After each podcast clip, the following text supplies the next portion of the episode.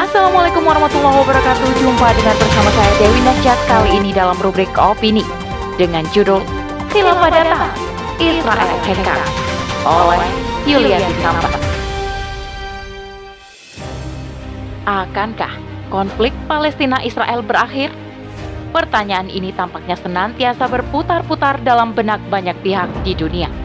Betapa tidak, konflik tak sebanding antara negeri Muslim Palestina yang terus diserang dan dijahati oleh agresor Israel yang mendapat dukungan penuh dari adidaya dunia. Lebih dari tujuh dasawarsa penjajahan tersebut berlangsung. Hingga kini tak juga terdengar kata usai. Beragam kemalangan didapat warga Palestina, mulai dari pengusiran, perampasan hak, hingga penganiayaan. Sebagaimana diberitakan laman cnbcindonesia.com pada 16 April 2022, bahwa telah terjadi bentrokan pada 15 April 2022 antara pasukan Israel yang menembaki menggunakan peluru karet dan granat dan warga Palestina yang hanya bersenjatakan batu-batu di tangan. Bentrok dipicu oleh arogansi tentara Israel yang menyerbu dan melakukan penyerangan secara tiba-tiba pada seribuan jamaah sholat subuh di komplek Masjid Al-Aqsa, Yerusalem. Tak kurang dari 158 muslim Palestina terluka dan 400 orang lainnya ditahan. Sementara dari pasukan Israel, disebut tiga orang mengalami luka akibat terkena lemparan batu dari warga Palestina yang secara naluriah mempertahankan diri ketika diserang. Bermunculanlah ungkapan-ungkapan geram dan kutukan warganet pada aksi penyerangan terbrutal yang dilakukan di tempat suci selama setahun terakhir tersebut. Tagar Palestina under attack pun bertengger di jagat Twitter. Sepekan sesudahnya, bentrok-bentrok antara kepolisian Israel dan warga Palestina di situs suci Al-Aqsa masih terus berlanjut. Bahkan, sepekan kemudian, yakni pada Jumat 22 April 2022, bentrokan pun memanas kembali. Semua yang masih menggunakan naluri dan rasionalitasnya akan berpikir bahwa kejahatan yang dilakukan Israel terhadap Palestina demikian biadab. Keberulangan aksi penyerangan dan beragam cara selama 74 tahun tidak pernah mendapatkan perhatian sedikit pun dari lembaga internasional sebagaimana mestinya. Sementara para penguasa negeri muslim di seluruh dunia hanya berani melakukan pengutukan dengan mengeluarkan pernyataan-pernyataan yang tak diiringi aksi nyata. Dalam waktu bersamaan, tak ada satupun dari mereka yang berani mengambil sikap untuk sekedar memutus hubungan bilateral dengan negara penjajah Israel. Bahkan, beberapa di antaranya justru membina hubungan dekat dan kental. Sungguh, bukti betapa penguasa-penguasa negeri muslim bermuka dua dalam hal ini. Terhitung sejak tahun 1948, sehari pasca proklamasi pendirian negara Israel, kemudian tahun 1967, atau Perang Enam Hari, ditambah beberapa waktu lain, memang negara-negara Arab sebagai jirannya Palestina melakukan penyerangan secara fisik pada Israel. Namun, banyak analisis berkembang betapa hal tersebut tak lebih sebagai bentuk solidaritas pura-pura. Yang terjadi justru menghasilkan satu kenyataan pahit dan memilukan, di mana kekuasaan Israel atas tanah Palestina makin meluas.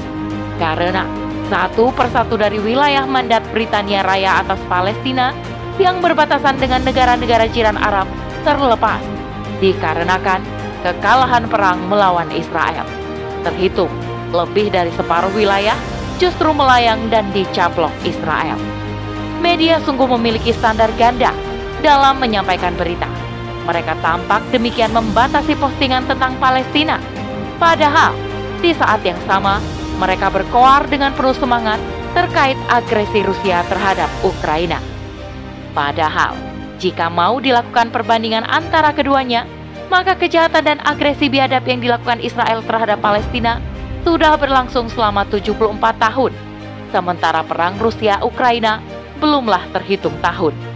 Meski apa pun alasannya, peperangan senantiasa berbuah duka, begitupun dengan Israel-Palestina dan Rusia-Ukraina. Jikapun media internasional memberitakan konflik Israel-Palestina Sungguh pembungkus yang senantiasa mereka bawa adalah paradigma sesat yang memosisikan Palestina sebagai teroris dan pembangkang atas perjanjian. sementara Israel ditempatkan sebagai negara yang diakui keabsahannya. Adapun dunia internasional, dalam hal ini adidaya barat, sudah lama bisu dengan pelanggaran HAM berat yang dilakukan oleh agresor Israel atas Palestina. Inggris, layaknya ibu kandung yang membidani lahirnya negara Israel Raya, dan Amerika demikian membabi buta dalam mencintai Israel dengan mendukung setiap langkah kebijakannya.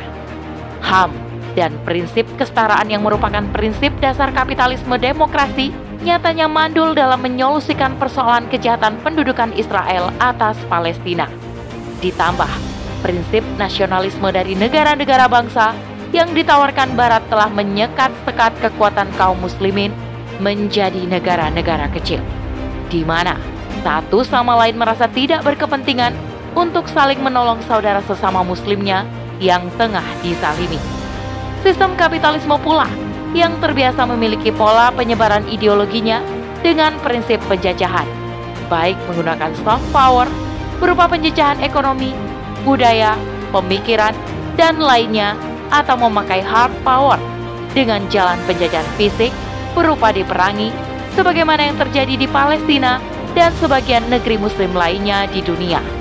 Maka, tak mengherankan jika Israel sebagai bagian dari negara penganut kapitalisme menjadikan pendudukan terhadap Palestina senantiasa dilakukan tiada henti. Di bawah sistem kapitalisme, konflik Palestina yang senantiasa dijajah Israel tak ada kata usai. Sebaliknya, tidaklah demikian di dalam sistem Islam, di mana sistem pemerintahannya dinamakan khilafah, sementara pemimpin tertingginya disebut khalifah. Islam memandang bahwa setiap mukmin itu adalah saudara, maka satu sama lain akan saling membela dan tidak ridho jika ada saudaranya yang dizalimi. Dengan sistem pemerintahan khilafah yang diwarisi Rasulullah Wasallam, negeri-negeri kaum Muslim tidak akan terkerat menjadi negara-negara bangsa yang kecil dan lemah. Mereka akan bersatu dalam ikatan yang demikian kuat berupa ikatan akidah. Islam mengamanahkan kepada khalifah agar melindungi segenap tanah milik umat hingga titik darah penghabisan. Rasulullah bersabda, sesungguhnya seorang imam atau khalifah itu laksana perisai atau junah. Dia akan dijadikan perisai di mana orang akan berperang di belakangnya dan digunakan sebagai tameng. Hadis riwayat Bukhari. Maka, khilafah akan memobilisasi angkatan perangnya jika ada pihak-pihak musuh yang berani berbuat jahat terhadap umat. Khalifah tidak akan rela jika ada sekerat tanah yang diduduki umat hendak dirongrong oleh pihak kafir asing. Sebagaimana yang pernah terjadi di masa pemerintahan Khalifah Abdul Hamid II. Saat itu, Khalifah pernah didatangi oleh seorang pembesar Yahudi bernama Theodor Herzl yang khusus meminta kepada sang khalifah untuk diberikan separuh saja dari tanah Palestina sebagai tempat bernaung bagi bangsa Israel. Dengannya, Herzl mengimingi khalifah segenggam dunia dan disodorkan sejumlah uang sebagai tebusannya. Namun, penolakan tegas khalifah disampaikan pada utusan Yahudi tersebut, di mana ia berkata bahwa tanah Palestina bukan miliknya, melainkan milik umat Islam. Darah para syuhada telah banyak tertumpahkan di sana demi umat. Khalifah bahkan berseru bahwa dirinya lebih suka menusukkan pedang ke tubuhnya dibanding melihat Palestina diserahkan kepada kaum kafir dan terpisah dari khilafah Islam. Begitulah yang akan terjadi jika umat bersatu di bawah pemerintahan daulah atau negara khilafah Islamiyah, di mana kehadirannya telah dijanjikan Allah dan menjadi bisyarah nubuah atau kabar gembira dari Nabi Shallallahu Alaihi Wasallam. Maka saksikanlah, ketika khilafah datang, Israel pasti hengkang dari tanah Palestina. Wallahu a'lam bisawab. Demikian rubrik opini kali ini. Sampai bertemu dalam rubrik opini selanjutnya. Saya Dewi Nasya kundur diri. Assalamualaikum warahmatullahi wabarakatuh.